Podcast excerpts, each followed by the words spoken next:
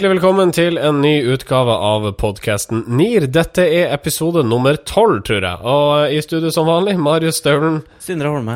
Marius Tørkelsen. Hjertelig velkommen til dere også, gutter. Eh, Hva skjer i PR-bransjens verden akkurat nå? Jeg ble veldig fascinert av en sak her som jeg så i norske medier. Eh, Hvor det var bilde, det var bilde av en sånn eh, liten apekatt som hadde på seg en litt sånn trang vinterfrakk. eh, ganske uklanderlig antrukket, egentlig, men eh, det så litt vitt, eh, artig ut. Eh, som det her saken eh, Det var fra Toronto i Canada, hvor det var en apekatt som hadde forvilla seg inn på Ikea. Og jeg tenkte, jeg vet jo at Ikea hver, eh, rundt hver jul så har de sånne kosedyrkampanje, eh, hvor de gir eh, hvor én euro av hvert eh, kosedyr Kanskje en dollar i Canada, ikke vet jeg. Men eh, det går i hvert fall til Unicef. Og da tenkte jeg, hva, hva gjør den apekatten der? Er det et PR-stunt? Og, og så så jeg at den apekatten hadde blitt tatt hånd om etter hvert, da. eh, av en dyrepolitimann. Ja. Eh, og det, det ordet, da, eh, det fant jeg igjen i noe som heter Norsk Aviskorpus. eh, Eh, Dyrepolitimann. ja, det ordet der. Vi har aldri hørt det før, og det var et sånn nyord, da, faktisk. Eh, så det var et av de nyordene som dukka opp uh, siste, siste døgn. Ja vel. Det var ikke et PR-stunt, eller? Ikke så vidt jeg vet. Og jeg tror den er tatt hånd om av, altså, av eieren, eller altså dyrepolitimannen, var det vel da. Ja. Ja, men jeg syns det mangler en åpenbar ting ved den, den historien. At hvordan i all verden kom apen dit? Uh, og hvorfor hadde den på seg klær? Og det, det syns jeg kanskje vitner om et PR-stunt uh, likevel. Ja, for den hadde visst kommet seg ut av denne bilen uh, med egne hender, da. Altså egne klør, eller hva det blir. Ved hjelp av eget hode. Altså hjerne. Altså, altså hvis, hvis, du hø hører en, hvis du leser eller hører om en veldig god historie, eh, og, det, og det ikke gir noen sånn rasjonell forklaring på hvordan den gode historien kan ha oppstått, eh, så er det som regel et PR-byrå som står bak. ja, det, det, det er faktisk sant, det. Østerriker faller fra verdensrommet. PR-byrå bak. Ja, ikke sant. Ikke sant? Eh, jeg, jeg har eh, eh, latt meg Jeg har tenkt litt på på den siste uken og hvor mye altså, sånn design og profil egentlig kan ha å si for inntrykket av, av en virksomhet. Uh, og jeg har latt meg imponere litt av, av Gjensidige eh, de siste par ukene, hvor eh, Gjensidige har jo måtte redesignet hele, hele profilen sin, med Dynamo annet som hjelp. Og de har fått et sånt lekent formspråk. Og plutselig, uten å tenke over det engang Så ble du kunde. Nei, nei, men, men, men, jeg, men plutselig så tenker jeg på Gjen- Gjensidige som noe mer sånn Som noe mer artig og sprelsk. Og de har ikke gjort noen ting annet enn å få noen sånne der artige sånn pepperkakemenn som, som, som figurer og en litt sånn rare reklamer. Men plutselig har jeg et annet inntrykk av dem før jeg Mm. måtte tok meg selv i det. da Så Eh, nå har du tatt deg sjøl i det, og nå har du ikke det inntrykket? Nei, men nå tenker jeg altså, hva i all verden har de egentlig gjort ellers? Og de har jo ikke gjort så mye annet. Nei? Så altså, jeg er egentlig litt imponert over at uh, man kan påvirke så lett av såpass enkle grep. Mm. Og det er kanskje ikke riktig at Gjensidige har gjort det, tenker jeg. Uh, jeg la merke til at uh, pave Benedikt den 16. Ja. Uh, er nå å finne på Twitter. Og han hadde sin første tweet her om dagen, og, eller jeg gikk inn for å sjekke, da. Og det som slår meg etter å ha lest noen av tweetene hans, er Var nå det egentlig så lurt? For her er da en av de første tweetsene hans. We can be certain that the believer is never alone. God is the solid rock upon which we build our lives, and his love is always faithful. Eh, Det første svaret paven får, kommer fra brukeren Moo, og det er kort og greit fuck off. altså, det kommer en del sånne ting, da. Ja, men, det men, det. men det er mye, Eh, jeg, jeg synes det er mye pent med at uh, paven er på Twitter, for på en måte så måte sirkelen litt sånn slutta. Uh, for jeg tenker Hvis vi begynner med, med Noah, da, uh, som han jo ofte, ofte gjør eh, Når Noah da etter denne eh, kom fram med arken og havna på topp av på en fjelltopp, eh, så var det vann overalt. Og så sendte han ut en due eh, for å se om det var noe liv noe sted. Hvis en due kom tilbake med en grein i nebbet, så betydde det at her var håp i verden. eh, nå kan jeg jo si at paven i overført betydning sendte ut en, en fugl i form av tweet, og jeg fikk tilbake var fuck off, som sier at kanskje kristendommens tid er, er slutt, og vi trenger en ny syndeflod, sannsynligvis, for å rette opp i det. Ja. Eh, vi skal prøve å introdusere dagens sendeplan, sånn høvelig. Veldig flotte historier dere har eh, brakt til bordet innledningsvis, og takk, eh, Takk, takk, til alle sammen. Takk takk for det. Eh, vi skal bl.a. prate om eh, soyasausprodusenten Kikkoman i dag, av en eller annen merkelig grunn. Vi skal til eh, Vestlandet og se på noe eh, rekruttering de prøver å få til der borte. Ja vel? Vi skal til et eh, medie som eh, egentlig ikke burde hatt fått lov å ha noen debattseksjon lenger. Ok. Ja, det var tre av de mange tingene vi skal prate om i dag. Dette er Norske informasjonsrådgivere. Nå setter vi i gang. Wee! Norske informasjonsrådgivere. Tidligere år så ble det kjent at Helsedepartementet ønska å innføre et forbud eh, mot reklame for eh, såkalte usunne produkter. Dette forslaget har nå vært på høring, og eh, svarene fra denne høringa er nå klar, og det kommer nå fram at Helsedirektoratet, som den tyngste fagetaten, stiller seg bak dette forslaget. Vi skal snakke om det i NIR i dag. Ja, Konsekvensen av et eventuelt en lovendring vil jo bli at snacks og brus, is, sjokolade, kjeks og den type ting eh, blir ulov, kan bli ulovlig å eh, gjøre reklame for. Jeg vil bare si at det er ganske interessant eh, at uh, Helsedirektoratet Altså, jeg tror at Helsedirektoratets stemme vil uh, veie tungt. Altså, det viser jo andre type livsstilsspørsmål. Eh, og det er klart, her, eh, det, som, det her blir interessant å se fremover, for her vil det bli brukt mye PR-penger på lobby. Eh, ikke minst fra f.eks. Craft Foods, da, som eh, jo eh, eier f.eks. Freia. Mm. så, så her er det en, eh, en lang kamp som er i ferd med å Ja, som, som kommer til å bli utkjempet. da. Ja, og det er jo også eh, sånn, en tilleggsdimensjon i alt dette, med, med tanke på at uh, det er en stortingsvalg neste år.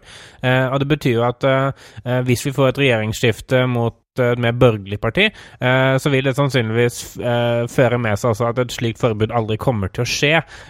for altså, det er jo man ser, så det på, sett på utspill fra bl.a. en del høyrepolitikere denne uken, hvor eh, man bruker ord som formynderstat, eh, regjeringen skal igjen bestemme hva som er best for det norske folk, men vi tror at det norske folk kan bestemme selv. Eh, og eh, det blir en en sånn kamp i kampen, altså hvem skal egentlig få lov å eh, eie dette til syvende og sist. Eh, så Helsedirektoratet kan jo egentlig mene hva de vil, men hvis vi får en borgerlig regjering, så, så kommer jo ikke det kommer ikke til å skje. La oss, la oss si det blir et forbud. da. Jeg, jeg syns også det er interessant å kunne se på eventualiteter eh, med tanke på hva skjer Skjer det noe med produktutviklingen på de som lager eh, sjokolade, f.eks.? Vil det komme sjokolade med spelt? Altså, vil det komme sunne Ja. eh, varianter, da? Ja, som, gjør man, ja, som gjør at man kan eh, faktisk eh, markedsføre eh, produkter allikevel. Mm. Uh, altså, du har jo eh, du har ikke alkoholreklame, men du har, du har lettøl- Lettøl. lettølreklame. Ser du,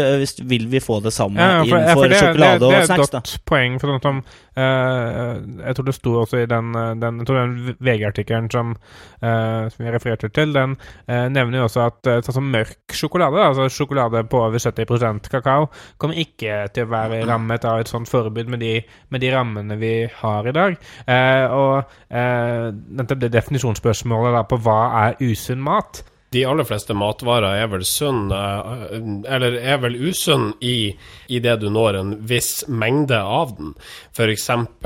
Lerum syltetøy eh, er vel ikke særlig bra hvis du gløyper innpå en liter om dagen. Nei, altså, så, altså ta eplejus, ta appelsinjus, som er eh, altså Sukkerinnholdsmessig er jo det samme, eh, samme type nivåen som man ser i brus. Eh, og det er type produkter som vil bli rammet av et sånt forbud. Eh, og eh, for bare ta litt sånn det som Sindre begynte på i stad, med eh, tobakk og alkohol. Og vi vet jo at det er en del både tobakksselskaper og al alkoholselskaper som bruker mye penger på PR i dag. Eh, men der er det jo likevel en litt sånn aversjon mot det i noen kretser, fordi man opp opplever dette er kanskje noe som er skadelig. Eh, men jeg tror kanskje at eh, man ikke vil se helt den samme sånn motstand mot det hvis man får et forbud mot uh, usunne varer. For dette er noe som da er såpass indoktrinert over tid at dette er jo ikke så ille. Så jeg tror ikke PR-byråene vil være skeptiske til å ta i det i det hele tatt. da. Altså det, det som kan tenkes, er jo at uh, det kommer til et slags uh, kompro, kompromiss, da. eh, som går på at man eh, må ha advarsler på visse typer produkter. Som at uh, for mye inntak av denne hamburgeren Ja, men altså, over hvor, tid hvor skal det stoppe? eh, ja, nei, det, det er det. Altså, det er det Det er derfor det, altså, det er vanskelig å trekke grensen her, da. Mm. Jeg kjenner, at, jeg kjenner at saken provoserer meg litt, men som kommunikasjonsrådgivere så skal vi ikke diskutere Vi skal ikke diskutere innholdet i forslaget. Nei, det- det kan- vi er ikke kvalifisert. igjen, Nei, vi er ikke kvalifisert til å, til å si noe om uh, skadevirkninger og slikt. Vi er kun uh, kvalifisert til å si noe om kommunikasjon rundt det. Ja. Eh, men eh, konsekvensen av et sånt forbud vil sannsynligvis være mer penger til PR-byråene. Og mm, da betyr det at vi som PR-drivere kan få mer penger å bruke på eh, sukker og hamburger og alkohol og tobakk. Så yay! Så på bakgrunn av det, tommel opp eller tommel ned for forslaget? Klart det er tommel opp for det. Ja, høyt, høyt opp. Takk, vi skal videre. Norske informasjonsrådgivere. Vi skal prate om soyasausprodusenten Kikkoman, som ikke nøyer seg med produktplassering, angivelig ifølge Kreativt Forum. For lille julaften så slipper de altså en 24 minutter lang dokumentar om sin egen historie, til glede for alle de som lenge har lurt på hva er egentlig Kikkomans historie. Ja, hva er egentlig det? Det er jo en soyasausprodusent. Uh, og, og som vel så å si har monopol i Norge. Jeg har i hvert fall ikke sett så mange andre. Ja. Så når jeg kjøper soyasaus da like ofte som jeg kjøper salt, uh, kanskje en gang i året, Ja. så kjøper jeg det. Eh, men her har de har jo et globalt marked, og det er klart de Det er jo et uttrykk for at de eksperimenterer med markedsmidlene sine. De har lyst til å prøve noe annet, og, og det, må, det må gå inn i dokumentarsjangeren er ganske interessant. De har jo engasjert da eh, en regissør som heter Lucy Walker, som har lagd en dokumentarfilm som heter Wasteland uh, tidligere. Uh, er veldig god dokumentarfilmprodusent, som da står bak dette her. Og som Kreativt Forum sier, de går nå mye lengre enn det Herman Friele gjør med de der Friele Ja. reklamefilmene sine. Lengre, ja, For Herman Friele sine har det i hvert fall vett nok til å vare i ikke noe mer enn fire-fem minutter. Nei, helt riktig. Hvor Ja. lenge er det interessant å se eh, historien om soyasaus, eh, folkens? Ja, men altså, det er jo in interessant, for dette kan, kan jo ses i lys av eh, denne hele sånn content marketing-trenden som man ser. Og, altså, det, og det er jo eh, eh, et begrep som i stadig større grad blir brukt. Én ting er jo eh, her i Norge, men også i utlandet. Blant annet har jo Coca-Cola har jo lagd om hele sin corporate webside til å bli en sånn bli et content-nettsted, altså egentlig en nettavis, eh, som er en sånn klar trend. Og det handler om at istedenfor å skryte av hvor flink man er, så tilbyr man innhold som viser alt man kan. Eh, og, gjennom det så kan man ta en litt sånn uforholdsmessig stor andel av måtte, populærsamtalen, fordi man vil måtte, treffe folk som er interessert i det du gjør. Eh, og Kikkoman eh, prøver vel da å bevise at eh, Alt kan være interessant, så lenge man måtte bruker nok penger og nok eh, ressurser på å gjøre det interessant. interessant. Eh, men jeg får litt sånn Jeg husker når jeg leste denne artikkelen på Creative Forum, så tenkte jeg har det allerede gått for langt? Eh, jeg synes det er et betimelig spørsmål, i hvert fall. Fordi eh, hva blir det neste? Jeg har et spørsmål her. eh, Har noen av dere noen gang sett en Kikkoman-reklame på TV? Burde man ikke ha testa ut på en måte dokumentert fungerende Jo. markedsføringsverktøy først? Jo, men jeg mener det er litt sånn Fordi altså, Kikkoman er jo et, et produkt som er så utrolig uinteressant. Da. Som Sindre sier, det er salt, ikke sant? Det er salt vann, uh, til syvende og sist. Og, uh, Svart saltvann. svart saltvann. Og, og uh, jeg tror nok at sånn, i betalt kommunikasjon så kan man en ikke evne å gjøre det interessant nok på 30 sekunder. Man trenger liksom faktisk det å bruke nesten en halvtime på å fortelle en større historie. Sette det inn i en større sammenheng, og det gjør, gjør jo her. De setter det inn, inn i altså, amerikanske måtte, i- i- industrieventyr og industrievolusjonen, og eh, hvordan da eh, USA, Japan, eh, spenningene mellom de to landene faktisk ga, ga utslag når Kikkoman skulle åpne sin første bedrift i USA. Og det, det, okay. det, det virker jo litt sånn Ja, for, eh, ja, ja. Ja, bare fullfør du Det- det den sånn. jo, altså, altså, det, det virker jo som det er noe hold i det å faktisk da klare å putte et relativt kjedelig husholdningsprodukt inn i en større sammenheng, inn i et politisk spill, da. Mm -hmm. Det, jeg, det får meg litt til å tenke på det På et sånn sitat som kommer fra David Merman Scott, som er markedsfører, som sier at 'on the web you are what you publish'. Uh, det vil si at uh, du kan være som en uh, soyasausprodusent eller en tampong eh, eh, markedsfører. altså, altså Er det lager, ny- du spenn, lager du spenn, Det tror jeg er et nyord. Lager du spennende innhold, så, så, så vil det bli interessant. Mm. Vi får se, da. Lille julaften så slippes altså denne 24 minutter lange dokumentaren. Vi får eh, ta en uh, gjennomgang av den uh, over nyåret, når vi møtes igjen her den Det blir en Nier spesial, uh, Nier Kikoman-dokumentar spesial, tenker jeg. ja. 24 minutter lang. Om ikke så, så lover jeg i hvert fall en thorough anmeldelse av Kikoman-filmen. Tommelen opp eller tommelen ned for uh, Kikkomans eh, markeds, nyeste markedsføringsfremstøt? Jeg tar tommelen opp, jeg, altså. Så vanlig det er egentlig sånn avventende egen negativ, men uh, vi får se. Norske informasjonsrådgivere. Da skal vi vestover til Bergen, der Bergen kommune har oppretta et selskap som heter Business Region Bergen, eller BRB. Eh, og dette selskapet igjen er i ferd med å gjennomføre kampanjen Vekstland, og dette er en rekrutteringskampanje. Eh, Sindre, du har peiling på dette her. Ja, altså den kampanjen Vekstlandet det er en av, om ikke den eh, største, så er det en av de største rekrutteringskampanjene som har vært i Norge noensinne. Så nå rulles i gang. Det har vært kickoff eh, for den nå nylig. Hvem er det de eh, forsøker å rekruttere, egentlig? De prøver å rekruttere folk med høyere utdanning, særlig innenfor eh, naturvitenskapene og realfagene. Mm. Du har vært der borte. Jeg har vært der borte, jeg har bodd der i tolv år, faktisk. Jeg har studert eh, hele mitt studieløp der, og jeg har også jobba der. Og, og det her med hjerneflukt, som er et etablert eh, begrep, det, det ble etablert I hvert fall første gang jeg hørte det, var sånn på midten av 90-tallet. Da leste jeg det i Bergens Tidende. Eh, det har vært eh, et stadig tilbakevendende tema i Bergen, da. eh, om hvorfor drar alle de flinke folka herfra. Nå skal ikke jeg si at jeg er en av dem, eh, men det er mange andre som har stikket. Eh, og de kommer gjerne fra skoler som Handelshøyskolen i Bergen, som kanskje er den beste økonomiutdanningen i landet, og fra universitetet. Og hvor Eh, drar de? Ja, de drar jo gjerne til Oslo, da. Det er jo Gelmøyten Kise som, som skal bl.a. jobbe med eh, Vekstlandet. Eh, og jeg regner med at de har vært på studieopphold i Bergen eh, for å finne ut av hva er det som skjer der, hvorfor har folk lyst til å reise. Eh, I tillegg så har vel eh, GK ansatt en del bergensere.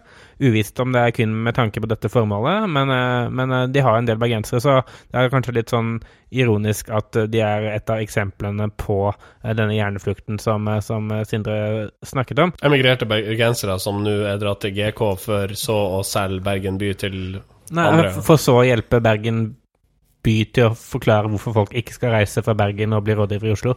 Det, er, det er litt sånn, det er noe å ta tak i der. Eh, Og det har jo også bergensmediene gjort, og det har oppstått en litt sånn eh, debatt eh, rundt denne kampanjen i etterkant, eh, hvorpå eh, enkelte har ment at det er litt bakvendt at et Oslo-byrå, Oslo-folk, eh, skal komme og lære de i Bergen om hvordan man skal gjøre seg attraktiv. Eh, og bare for å ha oppklart det med en gang, så er det rent og skjært tull eh, å, mene det. Ja. Eh, og det er enda dummere å si det til eh, en avis. Eh, eh, Kan det- du uh, henge, henge noen bjeller på noen kyr her? ja, altså det er blant annet eh, En som har uttalt seg, er jo blant annet Kristin Bjørnstad. Men jeg syns det, det blir litt sånn dumt fordi eh, dette er et resultat av en anbudskonkurranse hvor da eh, GK sammen med MK, tidligere MK Bergen, nå MK Verden, så vidt jeg har forstått, eh, har vunnet. Og eh, det, det at man da sier at uh, dette Oslo-byrået vet ikke hva de gjør, kun med det uh, for den forutsetning at de er fra Oslo, er jo, sier mye om hvorfor man egentlig ikke har lyst til å bli i Bergen, tenker jeg. Det, det, som er, det som er interessante bedrifter som vi har sett i Bergen, det er jo bedrifter som springer ut av utdanningsmiljøene. Uh, for eksempel, de har et veldig bra designmiljø. Mange flinke byråer som jobber internasjonalt. Jobber med store merkevarer som Nike og Adidas osv. Uh, og de har jo f.eks. Wizard T, som lager mye sånn TV-grafikk eh, egentlig til alle ja, kanaler over hele verden, og er kjempestore på det. Og det er jo øh, Nå har ikke jeg Ja, altså det er jo mye av de folka som jobber med disse tingene og utvikla de selskapene, de har også utdanna seg, i hvert fall delvis, i Bergen. Og det er klart, nøkkelen her tror jeg gjelder å holde på folk mens de fortsatt er studenter. Så da gir du vel egentlig Kristin Børstad eh, semi-rett her. Altså Heller enn å forsøke å lokke eh, Oslo-borgere til Bergen, forsøke å holde på de som springer ut av utdanningsmiljøene i Bergen. De må i hvert fall lykkes med å, å, å bygge det fyrtårnet, så folk i Oslo ser at oi, det er kult å være i Bergen. Ja. Uh, skal vi gi en fremtidig tommel opp eller tommel ned for denne omdømmekampanjen? Nei, faen, det er så jævlig, jævlig synes... siderumpa å si nei, men uh, tommelen ned. For det er jo faen noe må de gjøre. Ja. Men eh, Ja, få fingeren ut av ræva og gjør det bra, liksom. Ja. Usedvanlig krass Holme her. Mon tro om det har noe med at du har bodd der borte. Jeg, jeg, jeg tror ikke Sindre flytta fra Bergen, han var bare kasta ut av Bergen. Vi har jo ei Facebook-side. Facebook.com slash norske informasjonsrådgivere. eh, og der legger Sindre ut eh, sånne poller, avstemninger, hver eneste uke. Og vi skal få en recap av uh, pollen som har ligget på nettsidene denne uka. Vi kan, kan, jo, kan jeg bare ta først at vi, vi kan jo begynne med forrige ukes poll. Eh, fordi den spant egentlig på pollen uken før det igjen. Eh, og den pollen fikk veldig få svar. Eh, Derfor spurte vi forrige uke om eh, poll var ut. Eh, og da fikk vi en del eh, respons på at det var det ikke, så de ville at vi skulle fortsette med poll. Eh, og Derfor har Sindre lagd en poll denne uka. Så med det sagt, så skal vi da oppsummere pollen for denne uka. Ja, denne uka her så hadde vi lyst til å se, for siden Språkrådet da var så eh, artige at de var ute og kåra årets ord Nyord. Nyord, selvfølgelig. Eh, så ville vi eh, kåre årets sitat, og kanskje da et sitat som har en litt sånn eh, PR-faglig tilhørighet. Mm. Vi har lista fire sitater som vi syns var gode fra året som har gått, og den som vant denne her pollen Sitatet som vant, altså. Sitatet som vant, det er Det er forskjell mellom tilsagn og tilskudd. Og det var Helsedepartementet som meldte i oktober i forbindelse med statsbudsjettet. Mm. Eh, Da de hadde en eh, pressemelding ute om at de skulle gi tilsagn om tilskudd. Ja, vi diskuterte den saken, og eh, grunnen til at de måtte komme med den avklaringa, var at veldig mange trodde at da eh, det ble sagt at det var gjort tilsagn om tilskudd, så trodde folk at det var snakk om tilskudd, men det var jo ikke det. Det var jo ikke det. For det var snakk om eh, at det kunne bli et tilskudd eh, litt lenger frem i tid til eh, nye sykehjemsplasser. Sitatet som har fått nest flest stemmer. Det er jo mitt uh, favorittsitat uh, fra uh, kommunikasjonsbransjen 2013-12. Eh, og det er uh, 'Mafiaen er en kreftsvulst i ethvert samfunn'. Det var altså Jarle, medieekspert Aabø, som sa. Eh, og han sa det om Sigbjørn Johnsens eh, mafioso-lignende hatt. Som han var sterkt kritisk til. Ja, po altså Poenget hans var at, at uh, Johnsen glorifiserte mafiakulturen gjennom det, å bruke en slik hatt, men den er en kreftsvulst, uh, og det burde Johnsen tatt inn over seg. Ja, Og på en del sisteplass så har vi to sitater som ikke har fått noen stemmer. Det er 'Jeg legger meg paddeflat', sier Petter Stordalen. Etter Etter å ha parkert på handikapplass Ja. med, med bilen sin. Og Og- vi må slutte med tompratet. Er hans- Signert Hans Gelmøyden. Uh, etter Gullkorn-prisen i år, hvor det var mye tomprat. Uh, men vi bør heller slutte med operasangere, etter min mening. passende nok Jeg skulle til å si at passende nok har tompratet fått null stemmer. Ja. Men jeg sier kommer ikke til å si det. Jeg kommer til å klippe bort alt dette jeg sier nå. Og så sier jeg Bra, da har vi fått eh, avklart det. Eh, det blir vel en eh, ny poll eh, i uka som kommer, antar jeg? Blir det det? You bet. Da tror jeg vi rett og slett spiller en jingle. da. Ikke gjør dette. Vi trodde lenge at vi ikke hadde en klar kandidat til ikke gjøre dette, men så kom jaggu meg en av landets riksaviser seilende opp på sida av oss med et eh, klart eksempel på noe man rett og slett ikke bør gjøre, etter vår mening. Yes, eh, Denne uka skal vi til Dagbladet. eh, og for å ta det med en gang, så Dagbladet er jo blitt en sånn hoggestabbe i medieverden. Vi har ikke kritisert det inntil nå, men nå klarte Nå gikk det ikke lenger å faktisk forsvare å ikke kritisere det. Eh, på onsdag, altså den 12. desember, så hadde eh, Bjørn Boltoff, eh, som er en krimforfatter, han hadde et debattinnlegg eh, i Dagbladet Mhm. i den grad man kan kalle det debatt, eh, hvor han Overskriften er 'Dagbladet er et must'. Eh, og poenget hans i denne artikkelen, eller dette innlegget, er at eh, eh, Dagbladet er en av Norges ledende institusjoner på litteraturkultur og måte dekning av litteratur.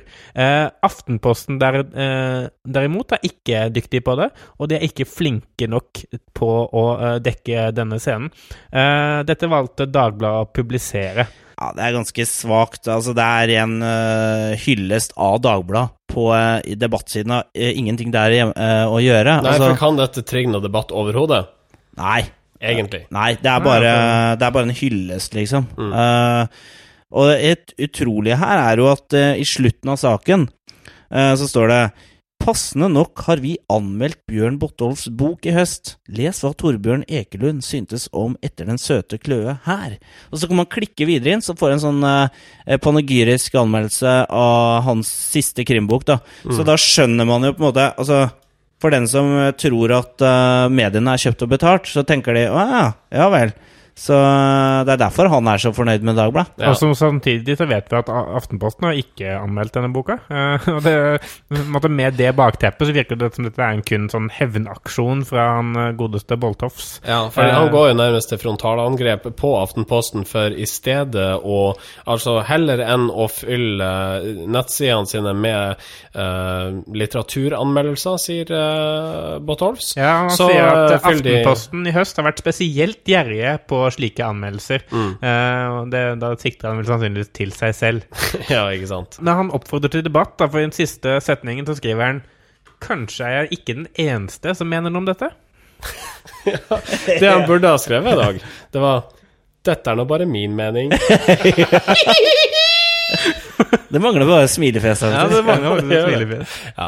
Uh, hvem er det som ikke skal gjøre det her, forresten? er Dagbladet må for all verdens del ikke publisere sånt. Og de har både publisert det på nett og trykket det i papirutgaven. Litt flaut. Det er kun pinlig. Det er flaut. Det er en glipp. Altså, Marte Michelet, eh, si det til henne på Twitter, dere som eh, eh, hører på oss. Ikke gjør dette, si. Hei, Marte. Ikke gjør dette. Bjørn Botolfstad.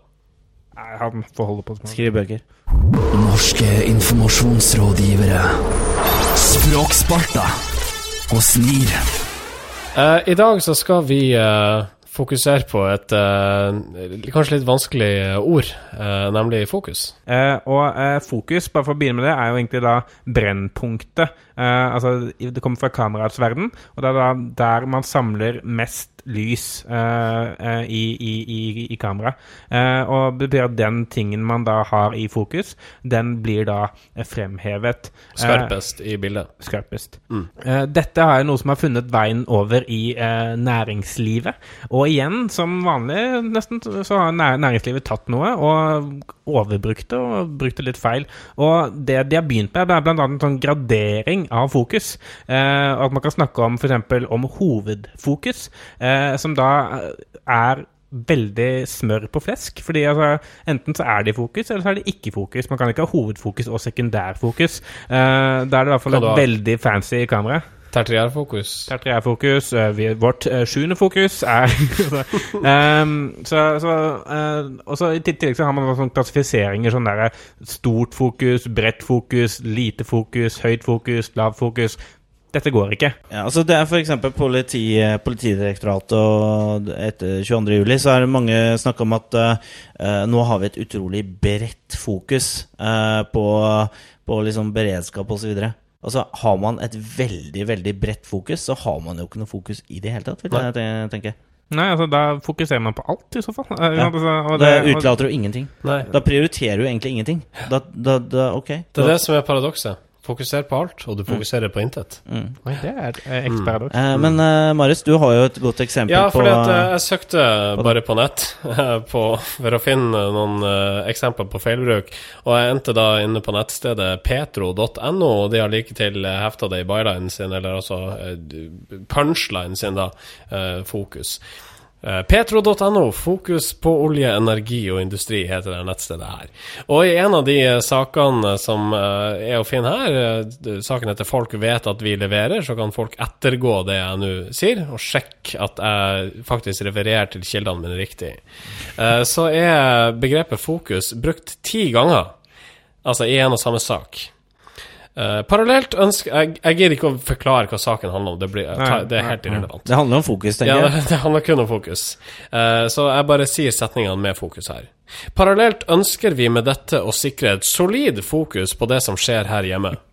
Nei, ikke sant? Feil. Kan, kan man ha et usolid fokus? Det tror jeg ikke man Ja. kan. Et litt blurry fokus, Et går det an? vaklende fokus. Hvis man ikke har en bildestabilisatorfunksjon på kamera, så kan kanskje hele bildet bli litt sånn vaklende. Mm. Men da er det ikke fokus. Så de sier Noen egentlig ting. at de har bildestabilisator på virksomheten sin. Ja. Bakgrunnen for dette er et ønske om økt fokus på leverandørkjeden. Ja, altså Skal du på en måte zoome inn også, i tillegg? Til å fokusere? Økt? Blant annet ønsker vi et spisst prosjektfokus. Oi, oi, oi. De skal rett og slett gjennom det de skal fokusere på. Vi skal ha kvalitet, ikke kvantitet i fokus. Ja, det er jo for så vidt riktig bruk. Det er greit? Ja, bra. Ok. Veldig bra. Uh, vi har en del fokus på rekruttering. En del. Det er sånn vi, Oi. vi ser litt på det innimellom. Eh, altså, det, det, går, det er en, en sånn kvantifisering av fokus, da, og det er som man egentlig ikke kan. Enten tar man det i fokus, eller så har man det ikke. Ja. Det er enten 100 fokus eh, Altså, det er enten fokus eller ei. Det blir til og med feil når jeg sier enten 100 Jeg må si at det eller er, 100 ja, altså jeg må si det er veldig sjelden jeg hører at uh, noen sier at uh, vi har ufokus på ting, for det går jo også an. Det burde vi heller ha gjort, syns Mm. jeg. Eh, den siste tror jeg er litt i tvil om, fordi at de har da Altså, der alle andre skriver 'dette er saken', så skriver de da 'dette er fokus'.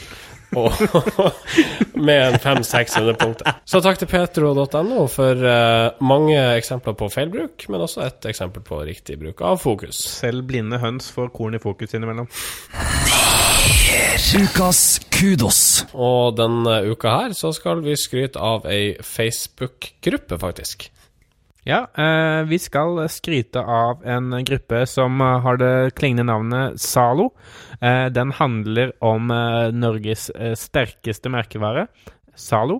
Og grunnen til at vi skryter av den, er ikke fordi den er spesielt bra i et sånn kommunikasjonsperspektiv. Og det er heller ikke en gruppe som er initiert av Lilleborg, som da står bak Zalo. Det er en gruppe som eh, vi velger å tolke det dit hen at det er en parodi på hvordan merkevarer framstår på Facebook. Eh, og det er en gruppe som eh, Litt sånn daglig så kommer det sånne statusoppdateringer for Zalo som eksempel Er dere klare for helg sammen med Zalo? Håper alle har brukt Zalo flittig i helgen.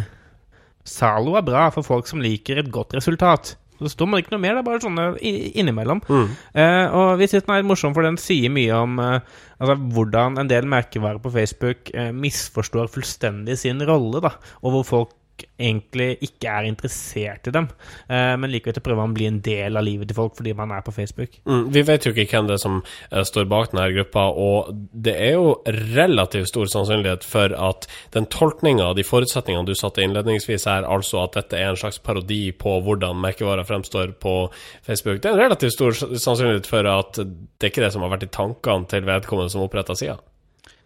Nei, Det kan jo hende det er en uh, Zalo-fan som har oppretta det. Eh, det vet vi jo ikke, men uh, det er som Marius sier, det som er så treffende her, er at det er Den viser hvordan man ikke skal være som merkevare på Facebook. Altså, de tilfører ingen verdi, og Ja, de tror at deres egen merkevare, altså et, et oppvaskmiddel, er, så viktig i livet til folk, da, at, at, Ja, eh, folk, vil like det. like kommer til å tenke på dem hver dag, og hvis de poster noe sånn for eksempel Vaske, vaske, vaske, hjerte! så, så kommer de til å få mye likes og, Ja. og, og mye kommentarer og sånn. Det er sånn det er noen folk egentlig misliker, det er jo opp, opp, oppvask. Jeg misliker det sterkt, og jeg, jeg hater egentlig å bli minnet på det. Altså sånn eh, Har alle fått en fin start på desember sammen med Zalo? Ja. Det er noe de spør om. Jeg, jeg, jeg tror jo, Dette er egentlig litt annen diskusjon, men jeg tror at grunnen til at Zalo er populær, er fordi folk flest egentlig ikke ønsker å forholde seg til oppvaskmiddel. Og Zalo blir bare valgt fordi folk driter i det. De vil bare ha et eller annet som de vet fungerer, og, og da tar de Zalo. De tenker ikke engang over det. De går inn i butikken, ser et eller annet grønt, tar det, betaler for det og tenker aldri noe mer på det. Eh, det, vi, det viste seg veldig vanskelig å finne den her Facebook-gruppa her eh, bare ved å søke, så vi legger den ut på vår side, gjør vi ikke det? Det gjør vi. Ja. Ja. Så du kan gå inn og like eh, Zalo hvis du Ja, nå og få ønsker det. irriterende på en måte påminnelser om at du har oppvask eh, liggende. Ja. Norske informasjonsrådgivere. NIR nærmer seg slutten. Husk at du alltid kommer i kontakt med oss på e-post. Nearcast at yahoo.com. Ja. Og vi har også ei SoundCloud-adresse. Soundcloud.com slash nearcast. Eh, vi er selvfølgelig også tilgjengelig i iTunes for dere som eh, bruker det. Og vi har uh, Facebook-sida vår eh, som eh, nevnt. Eh, Sindre, det var du som oppretta den lange adressa, så ta den du, du. Det er eh, facebook.com slash norske informasjonsradgivere. Ja vel. Uh, vi uh, avslutter der, tror jeg. Eh, dette er nest eh, siste episode før eh, jul, så vi eh, får ei uke til eh, sammen, vi. Og, Altså- og, og dette er deres siste sjanse i 2012 til å påvirke hva vi skal snakke om. Ønsker dere å høre deres bokstaver i vår munn? Gi oss en eh, mail, eller skriv til oss på Facebook, så snakker vi om det, vi. Gris, ros, ja. gifs. Gifs. Tusen takk til uh, dere. Hva, er, hva dere heter Marius Størkelsen, Sindre Holme, Jeg heter Marius Stølen. Vi høres igjen om ei uke. ha det! ha det! Norske informasjonsrådgivere.